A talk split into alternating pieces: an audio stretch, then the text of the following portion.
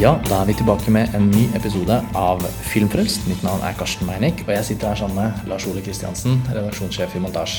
Hei. Jeg er altså redaktør i Montasj, og eh, dette er nok en, det er ikke en spesialepisode, men vi gjør dette opptaket på Montasj sine kontorer i Oslo. Denne episoden handler om uh, den norske filmhøsten. Eh, vi har jo diskutert litt hva, hvordan vi skal få delt våre meninger om eh, norsk film. Ettersom Ja. vi har en spalte på montasje som kanskje mange av lytterne også leser, som heter Analysen. Hvor hver norske kinofilm får en analytisk gjennomgang skrevet av filmvitere i samarbeid med montasje. Og vi diskuterer jo norsk film Lars Ole, veldig mye, vi òg. Så vi har liksom tenkt Det er så leit at vi ikke vi får eh, Ja, vi har- ytret oss. Vi har savnet dette rommet som vi hadde før analysen, eh, hvor også vi fikk utløp for våre gleder og frustrasjoner tilknyttet eh, norsk film. Mm. Så podkastformatet er jo egentlig ypperlig. Ja. Det har vi jo egentlig diskutert mange ganger. At, eh, og det har jo blitt diskutert norske filmer på Filmfrelst tidligere. Enten som enkeltepisoder eller blandet inn. Men nå hadde det seg sånn at vi har sett alt som er kommet. Da. Eh, I dag er det 13.9, og til nå så har vi sett en liten bunt filmer som har vært de første i år på årets norske filmhøst. Så nå tenkte vi rett og slett å diskutere alle de filmene, litt sånn blandet sammen. For, nettopp fordi vi har sittet og diskutert dem. eh, Vi var på noen visninger nå denne uken, og da ble det tydelig for oss at det var ting å snakke om. Ja.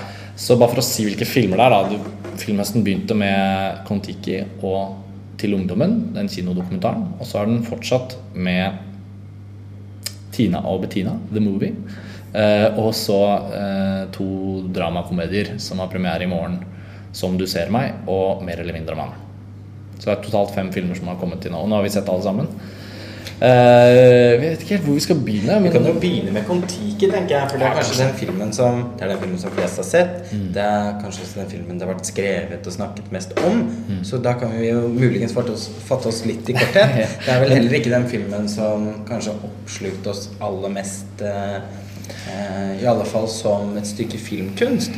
Men det, er, men det er andre Filmen har andre dyder også, som vi kan Men hva opplevde du? eh, Den er jo kjempepopulær. Hvor mange er det som har sett den nå? 600 000 mennesker? Ja. Minst. Det kommer til å bli enda mange flere. Ja. Og vi, vi hadde jo analysen fra Søren Birkvad, som var veldig positiv til filmen. Eh, Jeg, opp, jeg opplever at veldig mange liker den, men det er ingen som elsker den. Nei, det er også mitt inntrykk. Og var det noe jeg også Jeg så filmen først i går. Eh, Du har den rimelig frisk i minnet. Rimelig friskt i minne. Jeg så den på Colosseum igjen i går. Og var det noe jeg været litt når jeg forlot salen, så var det masse tiske-hvisking ikke sant, mellom, mellom de som hadde vært og sett filmen. Mange, mye 60 pluss. Mm. og det var Åh, ja, men vet du, At de har fått til å lage det ja, ja, Det var kanskje ikke så mye som skjedde på Eller det var, jo, det var jo kanskje ikke liksom Men jeg, det var jo en rimelig god Jeg syns den var bra, jeg. Altså, det var ikke sånn wow, shit! For et eventyr. Eh, responsen var på en måte litt sånn Så, ja, ja, bra, men, men, men ikke ekstatisk. Og det, det, det, er akkurat det filmen fortjener også, syns jeg. For jeg syns ikke det Jeg synes ikke det overhodet ikke det er noe dårlig film. Jeg syns det jeg synes prosjektet på veldig mange måter er vellykket, fordi at jeg er glad for at noen har valgt å lage en film om Thor Heyerdahl og Kon-Tiki Altså en fiksjonsfilm, da. Ja, en- ja, ikke dokumentarfilmen som allerede eksisterer, selvfølgelig, men det blir noe helt annet. Her, her får man liksom en, en dramatisk uh, gjenfortelling av en veldig fascinerende historie som eh, som man jo Man kjenner jo litt på at man blir jo litt sånn stolt når man ser filmen. Eh, det er jo tydeligvis eh, regissørparet Sandberg og Rønnings store greie. Altså. Bygge opp under nasjonal- nasjonalfølelsen. De er nesten våre nasjonalfortellere blitt litt på en eller annen måte. Ja. Neste er Be den romanen til Lars Saabye Christensen, 'Beatles'. Som på en måte er mer sånn som en sånn nyere generasjons Mm. kulturting. da Men det blir jo også sannsynligvis et sånn veldig sånn norgesportrett. Oslo, liksom. Men det får vi se når den Det er, det er kanskje noe av grunnen til at uh, folk er såpass begeistret for filmene de lager, og at de føles veldig sånn samlende, da. Ja. Og det er ikke Ja, de strekker liksom ut hendene sånn Alle skal med. Ja. Denne samles vi er liksom- Stort leirbål. og, og de er ikke sånn fullstendig unyanserte eller romantiserende i portretteringen av Tor Heyerdahl, men samtidig ikke veldig kritiske. Eller, det er sånn the middle way da, hele veien. Mm. Og det gjelder filmen. Eh, Jeg, jeg kan jo si et kort at jeg syns at filmen har veldig betydelige startproblemer. Jeg syns at hele den opptakten til ekspedisjonen er kjedelig fortalt. Eh, Den er ganske ganske grusomt spilt av alle de som snakker amerikansk. Eh, Og det er noe et eller annet litt sånn europudding-følelse over hele den første halvtimen, syns jeg. Og så kjenner man kanskje litt på at tannhjulene i plottmaskineriet liksom virkelig sånn Så skal den, og så den, og så den. Det er ikke særlig dynamisk. Da. Nei, det blir- Jeg, jeg syns likevel at på en måte åpningen med hans barndom når han går ut på isen Altså Jeg syns setupet og svaret, altså bookendingen senere i filmen, med de to bildene da hvor Tor Eirdal går mot kamera altså Jeg syns, de har liksom komponert det ganske ålreit. Og det er akkurat kjapt nok til at så fort vi er ute på flåten og ting begynner virkelig å, å, å komme seg, så, så går det liksom akkurat raskt nok. Så man er liksom på en måte med på det. Men jeg er fullstendig enig i at det er ikke filmens sterke side. Eh, Nei, det, altså, den bookendingen som du snakker om, den er veldig banal, da. Men, men men filmen legger seg jo i det landskapet. Ja. Den aspirerer jo ikke til noen Nei. form for sånn intellektuell refleksjon. Den har ingen form for sånn tematisk dyptpløyende. Den tar jo ikke opp så veldig mye. Nei. Den er der først og fremst for å gi oss Kon-Tiki-fortellingen i et episk format.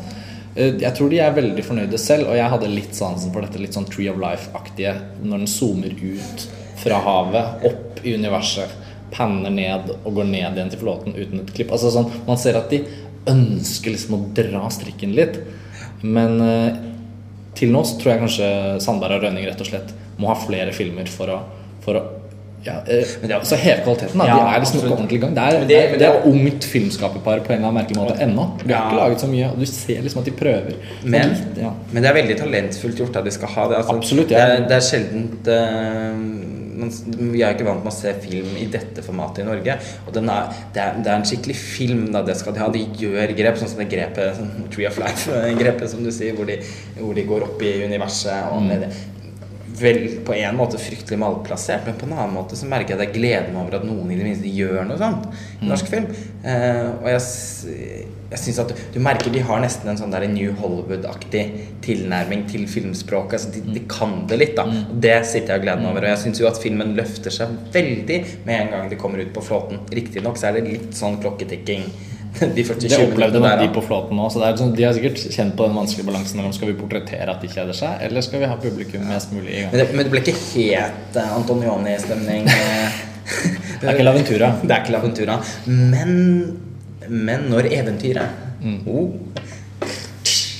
virkelig kommer Ja, Du mente fordi Laventura er italiensk for eventyret? Det var det jeg tenkte. Ja, da skjønte jeg hva du mente. Uh, Når haiene kommer da, Ja, altså- ja, men da snakker vi. Det er sekvenser her som er helt på høyde med ja, Da, da, da er det god uh, Hollywood-film. Ja. Eh, rett og slett, Da klarer de å bygge opp en suspens i måten de forteller De er flinke til å fortelle med bilder. Eh, hele, hele den seansen hvor de skal surfe på den bølgen over det korallrevet for å komme seg til, eh, til øya. Kjempebra. Mm. Der så tenkte jeg at oi, her har de noe å bygge videre på. Det morsomme, jeg husker bare fra øyeblikksreaksjonen din i går, så, så er det jo interessant å se at det har vært så mye debatt rundt denne karakteren som har vært på en måte mer dramatisert i forhold til virkeligheten. Da. Man må jo ikke misforstå. Dette er jo en fiksjonsfilm, og det er herlig at den er det. Takk lov for at den er så fiksjonell, på en måte. Den prøver liksom ikke å være based on the true story, som Søren Birkvad tok opp i analysen sin også. Men denne Watzinger-karakteren er jo, i hvert fall for min del, absolutt den, den mest engasjerende og lett gjenkjennelige personen i hele Det, filmen. det er jo den eneste pers karakteren som man har en oppriktig identifikasjonsprosess med. Ja, så når han med. tviler på på måte flåtens eh, bæredyktighet og denne sekvensen med disse stålvaierne og sånn, da får man jo Det syns jeg er et av de beste grepene de har gjort. det Jeg tenker med gru på hvordan filmen ville fremstått hvis det bare var disse blåøyde eh, guttas liksom, tro på eventyret og ingen motstand overhodet. Så jeg, jeg må bare få sagt det altså, som innspill til den debatten. Jeg synes skal det fungere film som film, skal det fungere som film, da må det liksom gjøres noe. Ja, Her har de gjort et par veldig gode grep. da Både visualiseringen av dette med haiene og hele alle disse sekvensene når det virkelig tar seg opp. Og så denne vatsinger-figuren. Ja, fordi vatsinger er den som gjør at det skapes i hvert fall litt friksjon Mm. uh, under dette kammerspillet, som det egentlig er da, på den flåta. Og han er en veldig Han er en veldig en, virker som et veldig nydelig menneske. Jeg synes jo han Han er den eneste som har litt fornuft i behold. Så han ønsker å overleve, rett og slett. da Og så synes jeg, men jeg syns også Pål Sverre Valheim skal Altså karakteren Thor Heyerdahl. Men den er godt spilt. Men den er liksom Ja, den er veldig godt spilt, Veldig godt spilt, men den er, den er iscenesatt som, etter mitt syn, som en slags Jesusfigur. Mm. Altså at uh, Heyerdahl som Jesus, som får med disse disiplene på dette utrolige prosjektet. Jo, dere må bare tro. Jeg vet ikke hvor mange ganger i filmen han refererer til det. Han blir til og med motsagt. Dette er ikke noe religion! Det, tror Det er bare du som tror på Ja. Tro på Tiki. Og flåten som en slags metafor for å gå på vannet. Altså det, det er noe, og det er ganske banalt, men, men det er på en måte Det er verdt å nevne da, at, eh, at eh, de, de karakterene som kanskje ikke er ordentlig utbrodert i like grad som Watzinger, de spiller en sånn figurativ nesten funksjon. Og, og, og hvis man ser på det som en sånn nasjonalmyte, så passer det egentlig. Eh, og jeg faller liksom ned på den positive siden av det. da Selv om jeg føler også at filmen synker. Altså at sånn, når, når det går litt tid, så kjenner jeg at det er ikke mye å tygge på der. Jeg ser ikke for meg de lange samtalene etter at vi har gjort oss ferdig med den nå. Men, men, den er der, og, og den er jo ja, nok, ja, Den populariteten har jeg altså respekt for. på en merkelig måte Det gjelder også en annen film vi skal snakke om. Altså, når, når mennesker strømmer til kinosalene, et eller annet veldig sentralt er også veldig riktig. Mm. Uansett hvordan man Nei, det kan man sjelden sno seg helt unna. Jeg er nok også Jeg, jeg tror jeg egentlig vi er veldig enige om Kon-Tiki.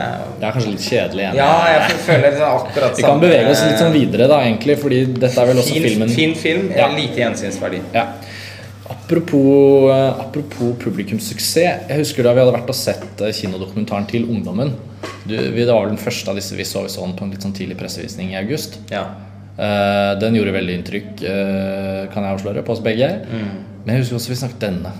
Denne kommer folk til å se. Dette, til å, dette, dette må jo folk gå på kino og se. Dette er jo en del av hele den nasjonale behandlingen av 22. juli. Dette reflekterer inn på så mye av samfunnet vårt. Folk kommer til å føle seg forpliktet nesten til å gå og se. Altså, husker jeg vi tenkte også 300 000-400 000 forespeilet det er en kinodokumentar eh, regissert av eh, Karianne Moe. Den har hatt premiere på veldig mange kinoer rundt om i Norge. Det er altså nesten ingen som har gått og sett den. Jeg tror besøkstallet nærmer seg 10 000, så i forhold til sånne støtteordninger og sånn, så, så, er de på en måte innenfor. Men jeg hadde virkelig trodd denne filmen her skulle slå, også fordi den er så god. Ja. Det er jo en kjempegod film. Veldig, veldig bra. Det er jo altså og, og, den har jo også fått veldig god mottakelse. Nå var riktignok Gunnar Iversen, som skrev analysen hos oss, var jo han var en av de mer, mer kritiske Han tok jo opp dette med at han ikke følte filmen var, var uh, konfronterende nok på et eller annet vis. At ja. den gjorde seg mer ubehagelig.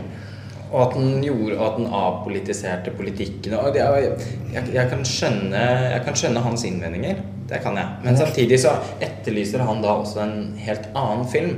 Uh, og det er ikke en film jeg ønsker meg mer enn den filmen som faktisk foreligger. For, ja.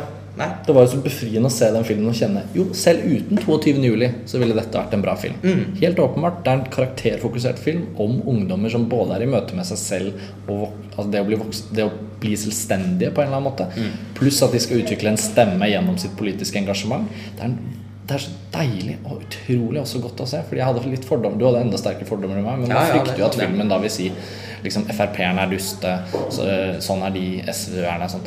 Den er veldig lite fordomsfull overfor menneskene. Men, men, er, ja, men samtidig eh, Det er noe sånn, noen morsomme nyanser der òg, syns jeg. Fordi den spiller veldig på vår forutforståelse og fordommene våre.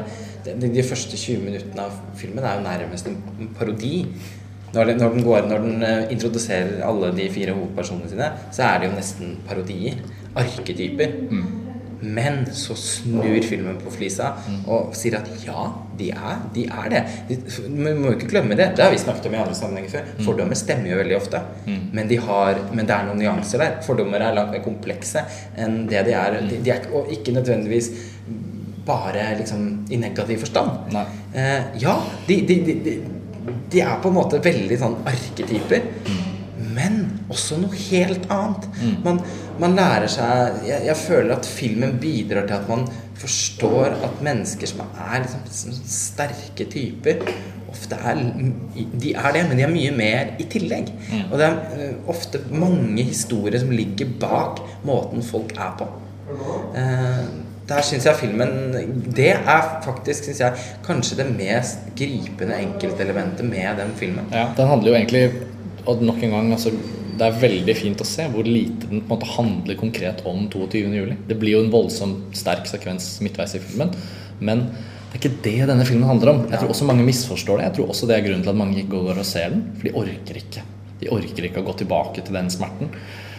Som selvfølgelig er uh, nesten hyklersk i seg selv, i og med at folk er så utrolig interessert i å lese nyhetsstoff om 22. juli. Ja, det syns jeg er veldig merkelig. Det er liksom altså. problematisk å se hva på en måte publikumsappetitten i hermetegn eh, er stilt inn på i Norge nå. For Ja, en folk film som dette samles jo rundt TV-apparatene når det lages sånn halvdårlige TV-dokumentarer Ja, om Utøya-dagen, liksom. Ja, Men en film som handler om den generasjonen som ble rammet Ja, og noe så veldig. Særlig fordi den startet Den ble jo startet eh, Altså Opptakene til Til ungdommen var i gang lenge før. Så mye av filmen handler om det du beskrev i stad. Disse eh, sakte, men sikkert veldig mye mer innsiktsfulle menneskelige portrettene enn man tror i begynnelsen av filmen.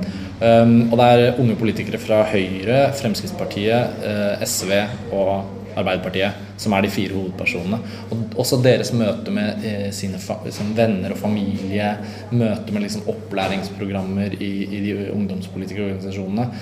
Sakte, men sikkert så syns jeg både karakterportrettene i all sin liksom rikdom og det, det samfunnsportrettet som også sakte, men sikkert kommer frem, da, blir sånn fantastisk virkningsfullt. Og så kommer 22. juli, akkurat like sjokkerende i filmen som det var for Ja, oss jo, i fjor. man har jo glemt det. Ja, underveis i filmen så, så innser man at ja, sånn var Norge fordi vi ingen, ingen trodde det skulle skje. Og det er så deilig også at filmen ikke har noen prolog som skal sette opp det. Så sånn, ja, jeg kjenner sånn at jeg får veldig sånn, litt sånn ettertrykkelig anbefale folk å gå og se til ungdommen før, det, før den går av kino. For det, det er en helt annerledes film enn den blir portrettert som, eller som fremgår gjennom media. Det, ja, det virker som å bare sette to streker Ja. under. Altså, det, virkelig, folk må gå og se denne filmen. Den minner også veldig mye om Hanne Myrens 'Jenter'. Veldig. Er, det syns jeg også vi snakket ja, om. Det syns jeg er viktig å trekke fram. Det er en kinodokumentar som ble sett av ja, hvert fall det var, Jeg tror den ble sett av mer enn 50 000 i Norge. Og den hadde jo også dette veldig sånn Veldig åpne og varme og tålmodige blikket på unge mennesker og hvordan de oppfører seg. Eh, Det er veldig fint ja, det er fint det du sier nå, at det er et sånn tålmodig og varmt blikk. For det syns jeg også er i til ungdommen. Altså de, de portrettene av de fire hovedpersonene er så nydelige. At ja, Håvard Nyhus skrev i sin anmeldelse i Natt og Dag at eh, man står liksom i fare for å for ønsket å kaste seg om halsen på de og klemme de i stykker hvis man møter de på gaten. Og, og sånn er det. det er akkurat sånn. Ja, det er Jeg bare jeg tenker på et par av de, så får jeg, blir jeg nesten blank i øynene. Og, og det fine er jo at de er jo bare helt vanlige mennesker. Det er en film, det er en veldig oppbyggelig film. Det er en film som gjør at man blir mer glad i mennesker. Ja, det er- det er så Hvor fint er ikke helt det? liksom? Og- Og, alle sånne dokumentarer trenger ikke å være så fryktelig kritiske eller så avslørende. Det er jo en klisjé i seg selv. Hvorfor skal alltid alle filmer om ungdommer handle om eh, problemungdom Mm. som, som sliter med å komme seg gjennom skolen, som har det jævlig hjemme, Mm. som er som, Nei, dette er bra folk, liksom. Mm. Det kan også være spennende å se på. Og når først 22. juli da inntreffer, så velger jo heller ikke filmen å, å oppsøke på en måte Altså de grusomme ikonene, hvis man kan si det sånn. da Den mesker seg ikke i arkivmaterialet. Filmen holder seg til det den har filmet selv. Eh, Den er på en av ungdommene når det skjer. Eh, De hadde vært på Utøya da tidligere på dagen. Sånn at man blir jo veldig bekymret hvordan det har gått med hun fra AUF, som vi da har blitt veldig godt kjent med. Ja, på tidspunktet der så vet man jo ikke Nei, helt ikke sant? om hun Om hun har overlevd. overlevd Da, da hadde ikke filmen vært å holde ut. Nei, men, altså Men hun har, hun har jo virkelig fått et uh, sår, da, og det fremgår jo ved at filmen eh, etter en sekvens fra Rosetoget ja, velger å la henne fortelle sin overlevelseshistorie. Uh, nesten uten klipp. Og, og, og det er disiplinert og omtenksomt av filmskaperne, syns jeg, å holde på den filmen de startet med å lage. Den tar ikke noen avstikkere og forsøker liksom å, å, å tilegne seg eh, en slags sånn 22. juli-relevans utover det som var helt opplagt. For de var der, basically. ikke sant? Nært på disse unge menneskenes liv. Og da forandrer selvfølgelig fortellingen seg. Men det har de også på en måte håndtert på den samme måten som de håndterte det film, altså innholdet i filmen før 22. juli skjedde. Så det blir jo selvfølgelig en annen film. Den handler mer om hvordan da ungdommer eh, disse fire ungdommene vi følger, og, og menneskene rundt dem, behandler og tar, tar inn over seg hvordan samfunnet vårt endrer seg. Mm. Og så handler den om at samfunnet eh, En sånn hendelse som 22. juli gjør jo også at samfunnet på en eller annen måte blir mer voksent. Eh, og, og filmen handler Mm. Altså, også om smertelig bli- nok. Smertelig nok, ja, ja. Ja. Men eh, Og filmen handler også om det å bli voksen. Det å bli en person. Og definere Mm. Ja. seg selv. Det blir paradoksalt nok på en måte viklet inn i den tematikken som lå der fra før av. Og det ser vi jo mm, ekstra tydelig da med Johanne Mm, fra AUF. AUF. Eh, den er utrolig fin, den lille historien om hun og storesøster. Ja, for det, er, det er noe av det Altså Det er virkelig en av de sånn helt eksepsjonelt rørende filmøyeblikkene i år, syns jeg.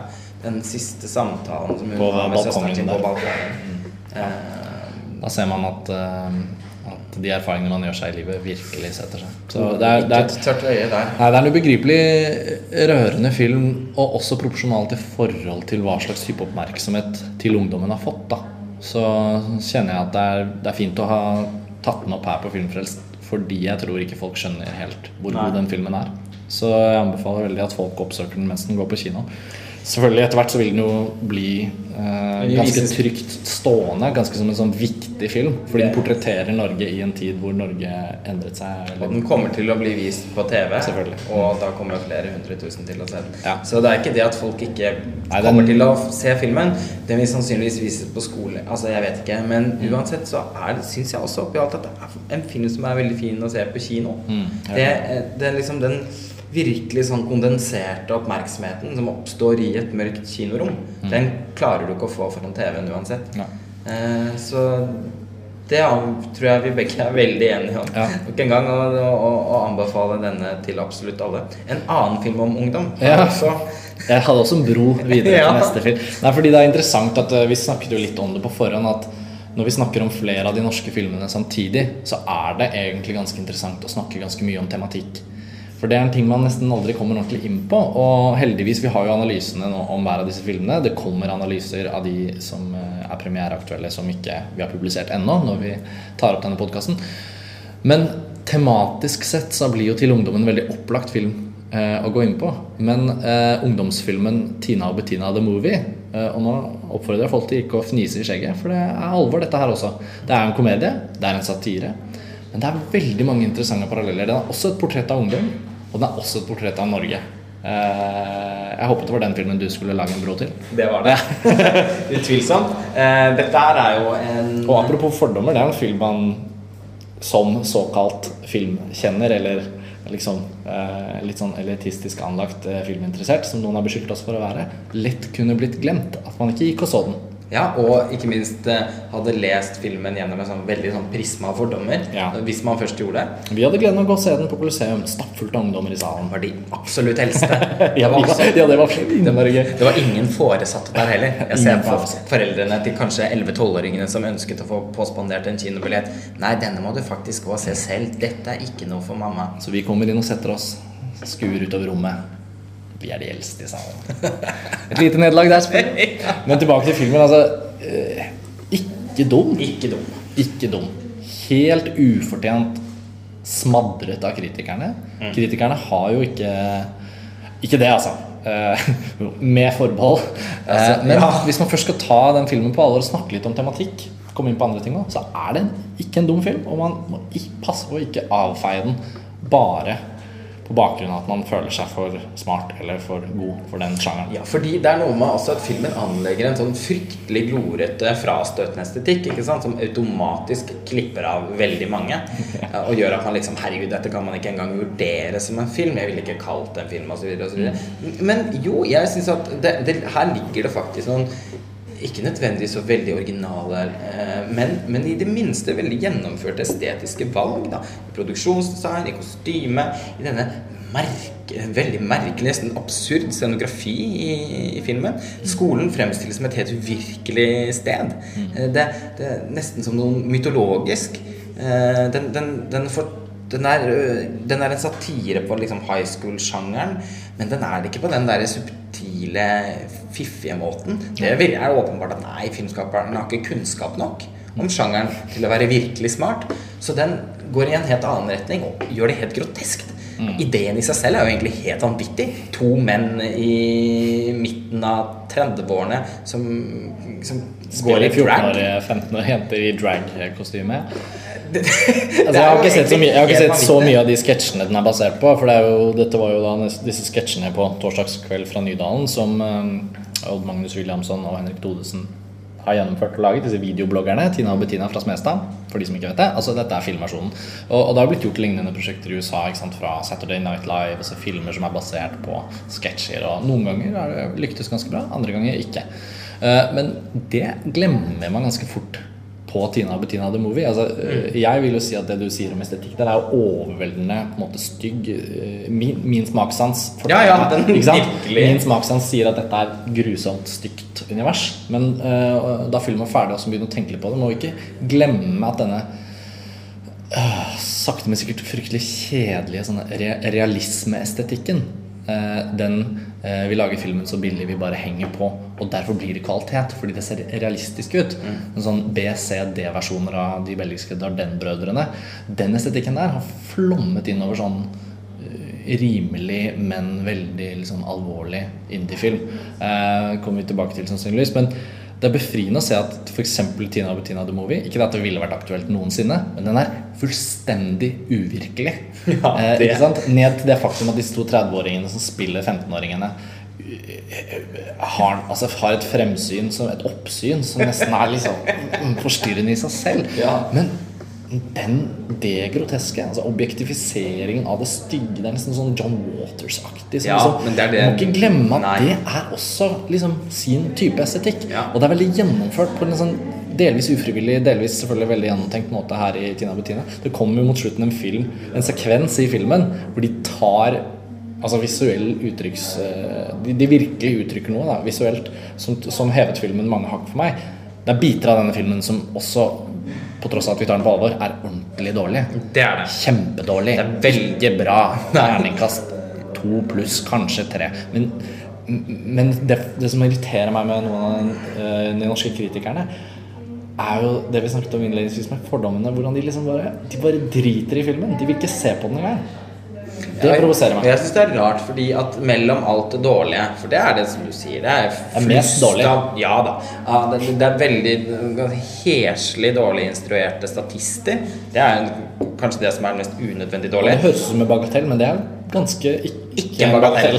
Eh, det er Historien er veldig sånn repeterende og klarer ikke å altså det, det er først mot slutten at de klarer å skape noen slags sånn dramatikk da som man kan hekte seg litt på. Eh, dette rivaliseringsdramaet blir aldri engasjerende nok. Eh, det er også noen musikal Noen av musikalinnslagene er veldig bra. Andre er veldig forglemmelige. Man har allerede glemt det. Ja, vi prøvde, vi prøvde å resonnere oss frem til et eller annet musikalnummer i midten vi kunne ikke komme på. Nei, begge hadde kollektivt hva det var. Umulig. Så det det er store hull og store mangler. Men det, men, men det er også rart at man liksom fullstendig kan klare å omgå kvaliteten i filmen. For de fins eh, Altså, Odd Magnus Williamson og Henrik Thodesen, spesielt Henrik Thodesen, spiller jo faktisk ganske bra. Han skal faktisk treffe en veldig spesifikk sjanger her også. Mm. Han skal absolutt ikke spille realistisk. Han skal heller ikke prøve å, å være Han skal ikke prøve å være tenårig jente, men han skal heller ikke ha med seg noe av seg selv. Altså sånn, det, det er en sånn der, Det er sånn- quirky, rar Ja, sjanger. det er sånn Williamson har cheek. vanskeligere for å rømme fra det, for han har så veldig mannlig ansikt. Ja. Men Henrik Thodesen ser jo litt ut som en kvinne. Ja, han gjør det. Liten, søt jente. Og dramatisk sett har han også den mest interessante karakteren, som havner da midt imellom. Ja, det er på en måte Det er jo hun som er Bettina vil jo være diplomaten. Hvorfor kan ikke alle bare være venner? Og Bettina, det er jo Bettinas film, Ja. hvis man snakker om de samme sånn. Jeg vil si kanskje at, eh, at hun eh, Hva heter hun? Munte oh, Hva heter hun? Else Kåss Furuseth? Ja, altså mobbeofferet. Ja. Kanskje hennes film. Med Sigrun Dundrefoss? Ja, Sigrun- Snakk litt om det. Ja, Sigrun Muntefoss, eller Dundrefoss, eh, er jo da på en måte en veldig viktig og, og, og og oppriktig rørende karakter. For filmen handler jo faktisk om veldig mye interessant. Eh, jo, men den gjør det. Den gjør det. handler om rolle, rollespill og rollebytter Og i den perioden av sitt liv. Fra 13, 14, 15. Det handler om klasseforskjeller, det handler om hele Altså he, Det handler på en måte også om all rikdommen i Norge i perspektiv med resten av verden, og det på en måte nesten sykelige ved velstand. Så hvordan velstand bare Og også så blir jo filmen selv Norges velstand i form av det faktum at vi kan ende opp med å lage en sånn film, er jo også altså sånn, Så filmen som lag på lag, frivillig og ufrivillig, er et portrett av noe sykelig. Og noe som fremprovoserer klasseskiller, fremprovoserer forskjellsbehandling, og det er overflater. Den estetikken vi har snakket om, er overflate, overflate, overflate. Og så hva er på innsiden? Og den er triviell i den forstand at den trivialiserer en tematikk som i utgangspunktet kunne vært tatt behandlet også med et stort alvor. Men samtidig, som som du var inne på, da det at man tillater seg å trivialisere det på den måten som man gjør i den filmen, det er i seg selv et uttrykk. Ja, og den sterkeste sånn kunst altså der, der hvor filmen virkelig ble stor kunst for meg, det var jo den sekvensen hvor øh, For det er en del cameos i løpet av filmen. Og på et tidspunkt i filmen så kommer dette bandet, eh, Madcon, disse hiphop-duoen, eh, Chave og Josef, de blir på en måte kjøpt til å spille på en sånn halloweenfest i filmen. Så de er seg selv i filmen. Det er fest på Smestad Vest. Smestad Vest. Og så står de på scenen i en scene av filmen hvor dette mobbeofferet Uh, Sigrun uh, Munterfoss blir ydmyket på det aller grusomste. På det virkelig grusomste. Hun blir virkelig mobbet. Og så er cameoen deres til stede og ser på det. Og sier sånn Kan vi komme igjen med musikken igjen, eller? Og på en eller annen sånn merkelig noen få fjernet ja, henne? Ja, på en subversiv måte. Så blir liksom Fordi de spiller seg selv, så blir de på en måte sannferdige representasjoner at de er med på mobbing. De blir liksom ikke fiksjon. Så det var noe veldig uggent der som jeg syns ble stor kunst. da Ja. Hvor de på en måte nesten ufrivillig så har Madcon stått litt sånn Stått bak eh, mobbingen. Og da syns jeg også da filmen som eksistens, altså det at den i det hele tatt er der og, og har de tingene i seg, gjør det litt eh, interessant og fryktelig godt bilde på, på norske samfunnet i en helt annen del av spekteret enn til ungdommen. Men ikke, ikke dumt å se de litt sånn ved siden av hverandre. Nei, og ikke dumt i det hele tatt å gå og se filmen. Altså, jeg Det er mange som har gjort det. Ja, det er veldig mange som har gjort det, og jeg forstår hvorfor. Altså, dette er jo et rent overskuddsprosjekt som jeg ikke Som jeg ikke kunne falle meg inn og få en sånn surmaget innstilling til, Nei, egentlig. nei, nei, er Fordi den er på sitt vis vellykket. Den er rimelig underholdende. Vi lo mange ganger. Den er mot slutten. Ja, og den er godt spilt. Ja, altså hun Else Kåss Furuseth er jo kjempebra. Mm. Altså, det, Og Triana Iglesias ble overraskende bra. meget liksom imponert Som filmens uh, villain. Hun var jo, ja, hun var jo helt sånn Selvfølgelig helt perfekt castet. Eh, hun overbeviser jo på en måte fordi hun er den, litt den personen i virkeligheten, tenker jeg, som, som den hun er i filmen. Eller i hvert fall var det den gangen hun gikk på skolen. Morsom anekdote her er at eh, da jeg gikk på ungdomsskolen i Oslo, så var faktisk Triana Iglesias For hun er omtrent altså, en ett år yngre enn meg. eller noe sånt Hun var en sånn person sånn som hun er i Tina og Bettina. Hun var en person man så på Majorstad. Hvilken skole går hun på? Hvem kan det være? Hun hadde vært med på Midt i smørøyet. Altså, det var noe med Ja, det er- det er der jeg husker den Og- og jeg så den første gang. og, og dette som jeg har da sett in real life, dette er nå gjentatt og representert i Tina og Bettina the Movie. Og jeg liker også det liksom subversive nok en gang med at Triana Iglesias eh, rolletolkning eh, Den er delvis frivillig, delvis ufrivillig. Altså at Noen ganger når hun er på sitt beste, så føler jeg ikke at hun spiller. Skjønner du? Så Nei. det er, filmen er fylt av sånne gleder. Ja, og, hun, er, og, hun, og, og den liksom eh, Else Kåss Furuseth og Triana Iglesias er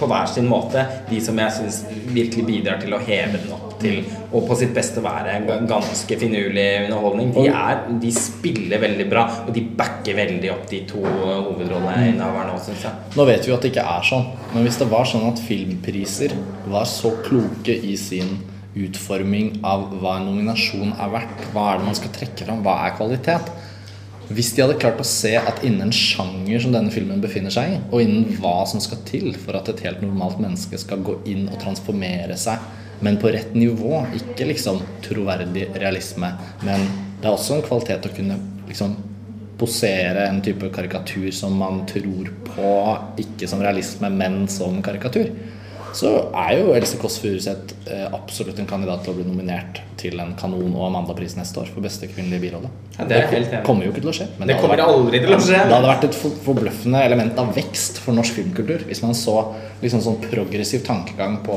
på nominasjon til priser. Det kommer jo ikke til å skje, men vi, vi nevner det. Ja, ja, nei, men jeg er helt enig. Eh, Det Ja, nei, hun er kjempebra.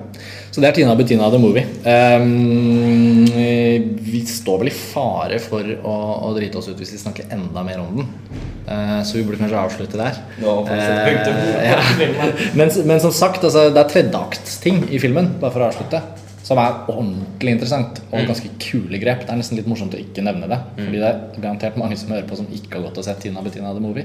Fordi det er waste of time. Og har man Og, og, og også eh, hvis man har en svakhet for sjangeren, som jeg har personlig jeg, Altså, ten, altså hvilken sjanger da? Altså high school-filmsjangeren, liksom. Ja. Eller college-filmsjangeren. Ja, ja. Være seg altså Heathers og Fast Times at Richmond High og, og, og Clueless og Mean Girls og, og Wild Child, som jeg syns er en veldig undervurdert film. Mm. Ha, har man en svakhet for den sjangeren, så tror jeg uansett man må finne, finne en del å glede seg over eh, Mm. her. Så er det to filmer igjen. Ja. De har premiere i morgen. Nå er podkasten blir publisert etter det, men altså fredag 14.9. så er det premiere på to norske dramakomedier. Komedier, og de er begge kritikerroste, har vi fått med oss. Relativt kritikerroste. Ene relativt- litt mer enn den andre. Relativt kritikerroste. De har vært på filmfestivalen i Haugesund. Um, og den ene av dem har vært på filmfestivalen Kalovivari, 'Mer eller mindre mann'. Uh, som er regissert av Martin Lund. Han debuterte med 'Knerten 2'. Så det regnes, ja, Knerten gifter seg. Det regnes kanskje ikke reelt sett som en sånn kunstnerisk debut. Eh, Her med 'Mer eller mindre mann' har han skrevet manuset selv og regien på den, og er vel mer på en måte hans prosjekt som filmskaper, da, kan man si. antageligvis. Og den var i Kalovivari, som kanskje mange har fått med seg, hvor den vant pris for beste film og beste mannlige hovedrolle. Og den andre filmen vi har igjen, det er 'Som du ser meg' av Dag Johan Haugerud. Og det blir kanskje naturlig å snakke litt om de to begge eh, i avslutningsfasen. For de representerer eh, to veldig forskjellige mm, hva skal man si, tematiske og innholdsmessige prestasjoner. da.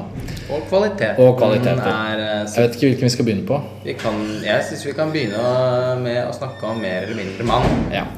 Eh, Det er jo en film som har Den, har oppstått, den var i utgangspunktet produsert som en kortfilm, tror jeg. Og så den, fikk den støtte og ble utviklet mer og mer. Og så har den blitt til en spillefilm, eh, 75 minutter lang, så den er jo ikke en veldig lang film.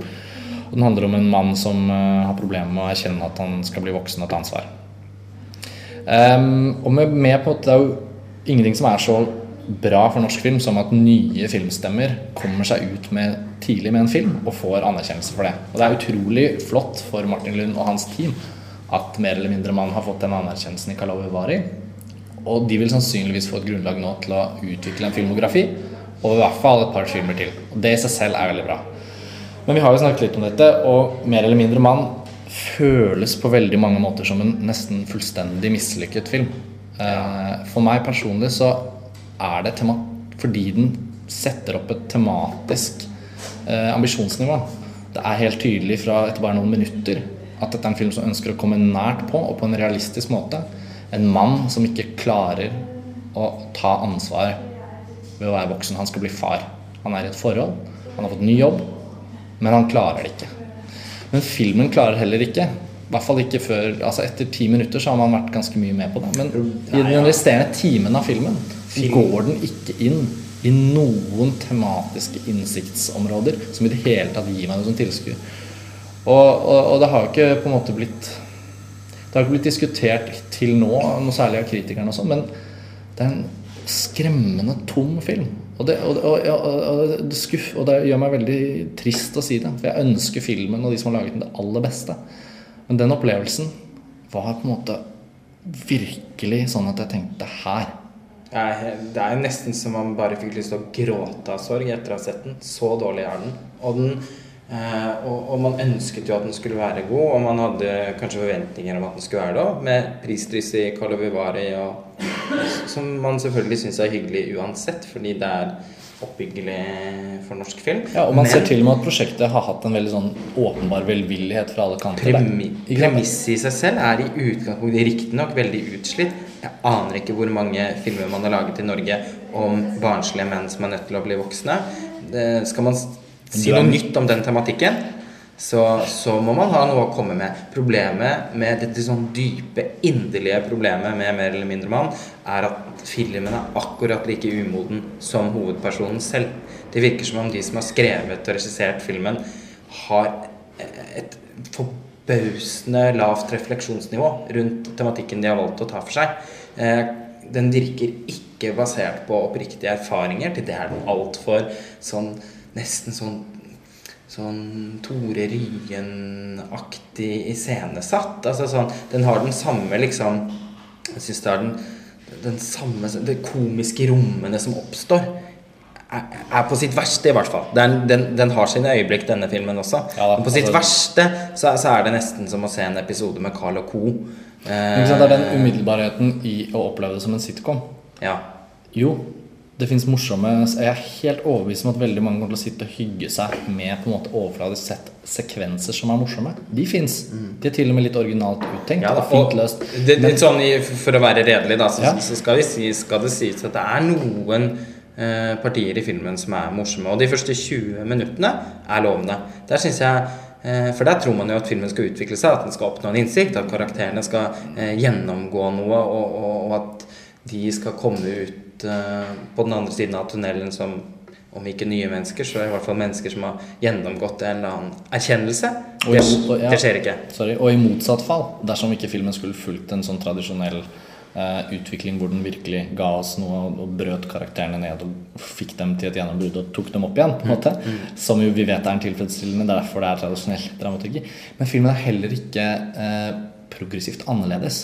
Nei. Den er ikke, den er ikke liksom den, den gjør ikke noe uhørt interessant. Det er ikke sånn at denne karakteren er litt usympatisk, og det er med Altså, vi skal bare følge Det er som om liksom bare filmen har liksom en propp. Det er bare sånn Vi har skjønt Vi har skjønt hvem han er veldig tidlig. Dere må ta oss med på en langt Langt mer innholdsrik reise. Er- Hvis ikke blir det tomt. Og så blir det tomt. Og ikke det bare er- tomt, det blir enfoldig. Eh, det er eh, De tar Når man velger å ta for seg en tematikk, eh, så må man ha noe å si om den. Eh, og- det har de ikke. Så det, det er derfor filmen på sitt verste oppleves som en sånn halvdårlig sitcom. Og eh, det forsterkes jo selvfølgelig ytterligere at filmen ikke har noen estetikk. Dette er jo ikke en film. Eh, Det er ikke noen formvalg i denne filmen som kan sies å være spennende eller i det hele tatt un eller understreke tematikken, bygge opp det, eller eh, tilføre en atmosfære eller stemning, være med på å berøre deg som tilskudd. Det er ingenting. Filmen er lyssatt som en Ikea-katalog, eh, men sånn, også en sånn veldig sånn blass, beige scenografi. Hele filmen føles Det kunne vært et uttrykk for hovedpersonenes eh, kjedelige, intetsigende tilværelse. Men det gjøres jo ikke noe poeng, poeng ut av, og kan ikke leses inn. Nei. Kan, jeg har prøvd for mitt bare liv. Det kan ikke forstå Nei, det nytter ikke. Vi har jo sittet og diskutert om dette altså, her i formål- timevis. Ja, i formål, ikke. og, og, og, og, det, er, det er greit nok hvis man ikke har hatt ressurser, eller man har ikke hatt det, Man har liksom ikke hatt tilgang på å utforske ideen og manuset uh, utover det som er der. Det er noe veldig sånn steg én over på en måte stikk. Vi har et kamera, vi har skuespillere. Skuespillerne skal ha honnør. De er kanskje det beste med filmen. Spesielt hun. Eh, ja, hun spiller kona til hovedpersonen. Ja, veldig bra. Men det er hjelper, det hjelper, det hjelper ikke når måte, de er på en måte avfilmet innenfor en utrolig sånn utrolig konservativ type halvbilde, halvbilde, klipp til altså det, er, det er noe sånn Ja, som du sa, da. Formen tilfører ingenting. Og når dessverre filmens på en måte fremdrift og handling heller ikke tilfører noen ting, så, så blir det Og det er på en måte litt lovende, og det, det spiller jo inn at den vinner festivalpriser, og man tenker at dette skal bli virkelig interessant. Og så er det dessverre ikke det. Da. Og det er, jeg hadde aldri trodd jeg skulle si det, men det er jo faktisk mer interessant å sitte og se Tina og Bettina The Movie Ja, den er enn mer eller mindre mann. Og, og, og jeg får nesten vondt i munnen av å si Ja, det. det merker jeg fordi? Fordi, jo, men det kolliderer med alle tanker man har, og, og, og, en forståelse av hvordan folk jobber. Og jeg, det er helt åpenbart at teamet bak Mer eller mindre mann har hatt en innstendig prosess med å få frem tematikken sin. For det er en uttalt tematisk film. Jeg synes mm. det er mer enn noe annet så er det en film om sin tematikk. Da er det Der desto når den ikke inn til meg, da. Jeg- Nei, og da er det, desto, ikke- da er det desto viktigere, som jeg har sagt mange ganger nå, at man må, man må behandle tema, man må diskutere tematikken sin Mm. på en moden måte, aller helst også. Men den når heller ikke ut. Jeg føler ikke at filmen kommuniserer i det hele tatt. Det er fryktelig vanskelig å la seg berøre av den. Eh, morsomhetene dør eh, relativt tidlig fordi de blir så repeterende. Filmen er jo også skal vi si, bemerkelsesverdig kjedelig. Eh, Til å være så kort også. være, ja, fordi den er så monoton. Eh, det, og du sitter og venter på at det skal komme forløsninger, at det skal skje ting. Men det skjer ikke. Mange fyllscener. De scenene mellom Henrik Rafaelsen og han, moren hans, f.eks. Mm. Ja, de burde bare vært fjernet fra hele filmen, etter, etter mitt syn. da Ja, de burde ja, rett og slett bare vært sakset. Fordi altså, den, er jo, den, er jo, den har jo et fokus på en relasjon, i tillegg til at hovedpersonen, en mann som ikke klarer å bli voksen, så er det jo en relasjon mellom han og henne som tidvis er på nippet til å gå over i et veldig interessant dramatisk terreng. Mm. Men så kuttes det av før man kommer dit hele tiden. Så det er disse parallellsekvensene hvor han drar hjem til sin mor og på en måte får mat og Ja, han fremstår som et barn, men det har vi sett så mange ganger eksempler på tidligere i filmen. Yes. At det blir gjentagelser, og det skaper en stor kjedsomhet hos meg som seer. da Sånn at ideelt sett hadde man fjernet en del av de tingene, men konklusjonen er at man sitter igjen da med den kortfilmen det kanskje dessverre egentlig eh, bare er, da. Ja, hadde det vært en 20 minutter lang kortfilm, kanskje til og med 30 minutter, så kunne det vært en fiffig liten sak. Eh, men den der føles strukket ut i det uendelige. Den er, den er også irriterende dum i enkelte Altså når han når han setter seg under en fest hvor han har oppført seg veldig barnslig hele kvelden, så går han ut og setter seg i bilen og tar med seg en Petter Pan-bok. Det, det absolutt mest banale symbolet på barndom som fins. Ja. Og setter seg ned i bilen og tisser i Petter Pan-boka. Jo, altså, jeg, jeg, jeg er jo ikke uenig med deg der heller. Eh, Nå er du jo veldig streng. Men jeg syns at, at sånn som filmen er som helhet, så blir den sekvensen kanskje det verste. Samtidig, hvis filmen hadde vært ferdig der Hvis han setter seg ut i den bilen og tar den Peter Pan-boka opp, den ligger i setet der og så, liksom, så Det blir nesten som en ekstremitet. Det kan ikke være en Peter Pan-bok som denne mannen som ikke klarer å vokse opp. Jo da, det er det. Det er en Peter Pan-bok. Og han tisser i den. Han lager en bekk av tiss. og så, så renner ned i den. Da er det et slags høydepunkt. Det er, det er et flott sted å avslutte filmen. Samtidig er jo du egentlig vel så streng nå, Ja ettersom du mener at 20 minutter, Jo, men- der setter vi spikeren. Og, og det er jeg selvfølgelig også enig i. Ikke sant? Jeg har sagt det nok en gang. Ingenting hadde gledet meg mer enn om dette prosjektet og disse filmskaperne nådde inn til meg med den tematikken. Jeg er enig med deg at det har blitt gjort mange ganger før, men jeg har heller ikke sett det lykkes så veldig godt. Ikke sant? Sånn at man tenker kanskje det er denne filmen som skal gjøre det. Og jeg mener at oppriktig talt, der, den, der er filmen avsluttet. Men så må vi sitte og se resten, på en måte. Men man har jo også liksom lyktes med den tematikken i f.eks. en film som 'Reprise'. da Ja, Men den handler om helt andre ting for meg. Nei, synes- ja, jo, men den handler også om altså, Den handler om ambisjon altså, Jo, vi kan godt Ja, men, den handler også om å ta ansvar, Ja. bli voksen. Ja. Eh, Det er, så lang, det er så stor verden. ja, ja, altså det Et blir liv mellom absolutt de to en, filmene. en mer relevant film. selvfølgelig Nå nevnte jeg den nesten litt retorisk, for du sa at det ikke hadde blitt gjort på en vellykket måte. Det er ikke nødvendigvis enig i. Jeg syns det er mange andre filmer som har Altså Bare noe sånt noe som 'Tatt av kvinnen' av Petter Nest, liksom. Syns jeg er- nailer tematikken sin. Ikke sant? Og der er jo vi diametralt uenige. Ja, du- Den filmen syns jeg er like ille som Mer eller mindre mann på mange måter. Eh, mer vellykket på visse punkter, vi skal ikke gå inn på det. Men der var forskjellen, for det der hadde jeg jo lest romanen, og hadde et sånt distinkt inntrykk av at den romanen oppsummerte og definerte de tingene den handlet om, på en så utsøkt måte. eh, at jeg klarte ikke å se kvaliteter i den filmen fordi jeg hele tiden visste hvor mye bedre det var gjort i den romanen. Så jeg var ikke en god tilskuer til 'Tatt av kvinnen' sånn per definisjon. Ja, men, den den minner meg veldig om det jeg opplevde på mer eller mindre mann. Helt forskjellige filmer, men den minner meg om det. Fordi Ja. den får en følelse at eh, kanskje mange vil synes det er helt bra nok. Ikke sant? Greit nok. Mer eller mindre man har fått masse honnør, så den filmen klarer seg på en måte helt fint. Det jeg syns er viktig med å ta det opp på en så alvorlig måte som vi gjør nå, det er det faktum at man når man kjenner på en sånn tomhet, og opplever at filmens mangler blir så frustrerende svake, så kjenner i hvert fall jeg, som ikke ofte blir irritert, da vokser det sånn Dette er ikke riktig, liksom. Og det var sånn jeg hadde det på 'Tatt av kvinnen' også. Jeg, jeg skjønte mange som likte den. Helt flott. Men jeg kan ikke for mitt bare liv forstå Uh, hvordan den filmen noen gang skal kunne fungere. I hvert fall ikke for meg. Og det, Nei, det er en du, har, altså, du har et veldig veldig nært forhold til den boken du leste Ja. den på videregående. ja, ja, ja. inspirert av den.